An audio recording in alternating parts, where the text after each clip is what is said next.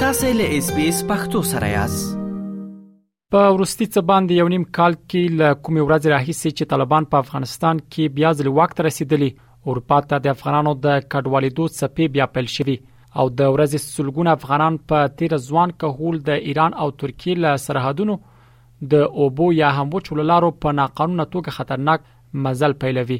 هغه افغانان چې په ناقانونه توګه بهرنۍ هیوادونو ته ځي بل هدف ته تر رسیدو پورې پر لارې د بیلابیل ستونزو سره مخ کیږي ډیری دغه ځوانان د سفر پر مهال مړ کیږي او ځینې هم د بهرنۍ هیوادونو د پولیس لخوا زنداني کیږي چې له خپل کورنۍ څخه یې د مرګ او ژوند درک هم ورکیږي شیرزاد یو له هغو ځوانانو دی چې د قاچاقي تک پر وخت یې خورا ډیر خوري غللی خو لا هم سفر نیمګړی پاتې دی دای د دې ناقانونه سفر په ترڅ کې چې له کوم شکنجو سره مخ شوی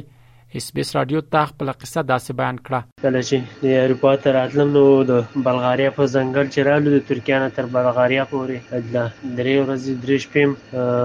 مزل وکړ بارانونه واورې او یخني نم خوب کړی نه لار مرکه کړې وه د چې اوه درې شپې په درېیمه شپه باندې چې کوم په سهار ملا ځان کې د بلغاریا پولیسو ونیولو بیا ویړو څلېرې ساعت هم جیل تېر که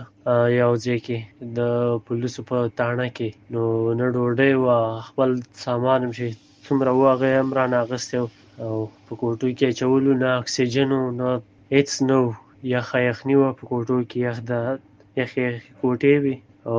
د هغې نه وروسته چې بیا راوویستو بیا بل ځای ته ویوړو یو بل جیل ته هلته هم چې و پنځلس ورځې مې هلته تېرې کړې درې ټیمه به یې داسې ډوډۍ درکوله چې هسې به دې پرې هغه ساه ساتله لکه ځناور له چې څوک ورکوي نه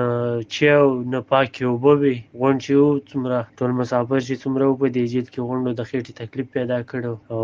نه د لمبا اوبه وې په د اوسېدو په ځای کې نه بخارۍ وې نه د هغه یخه یخني وه نو هیله کوم چې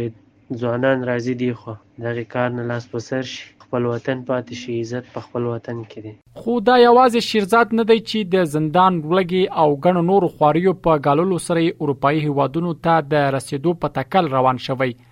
بلکې د ده په شان ځینې نور افغان ځوانان هم شته چې په قاچاقي لارو یې له کړنګونو ډکې لارې وهلي ترڅو خپلې موخې ته ورسیږي اسماعیل چې د افغانستان په تیر حکومت کې نظامي دنده درلودله خو په وینا یې بیکارۍ اړ کړ چې اروپا ته د تګ نیت وکړي خو اوس هغه په جرمني کې میشت شوی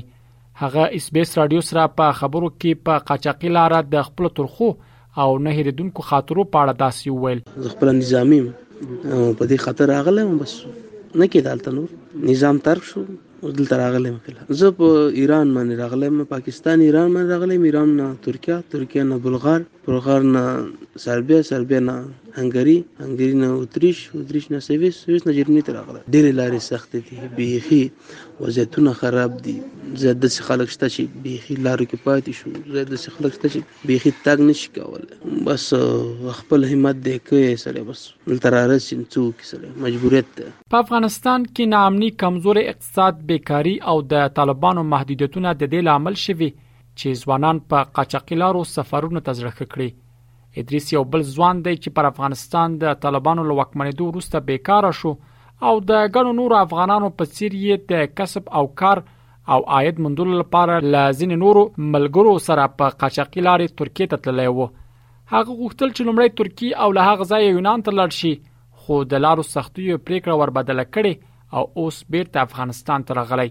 ادریس له نورو ځوانانو وغوښتل چې په لوی لاس دې ځان د مرګ خولې ته نه ورکوي او په قاچاقي لارو دې له تګ څخه ډډه وکړي.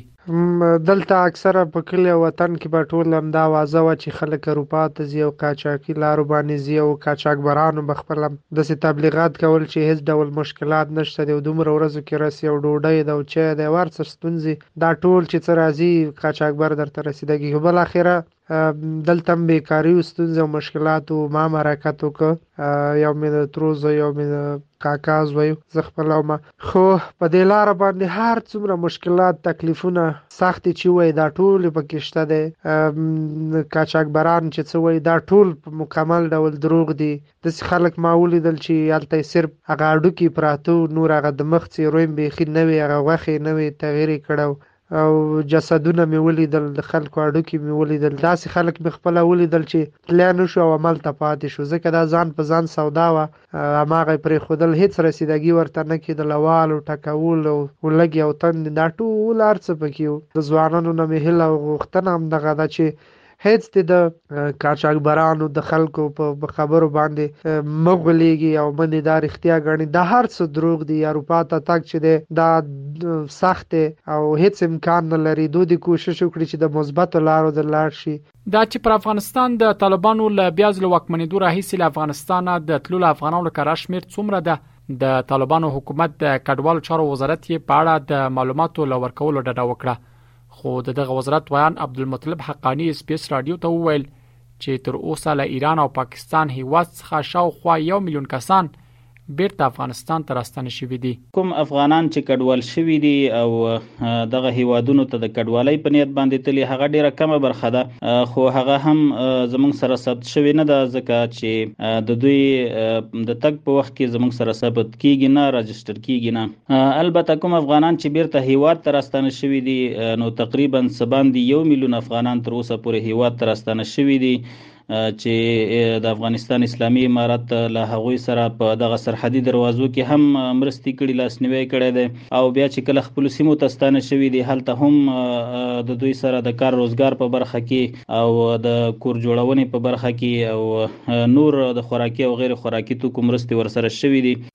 په قاچاقي لارو د افغانانو په تیره د ځوان کهول مسله ځکه د بحث وړ ده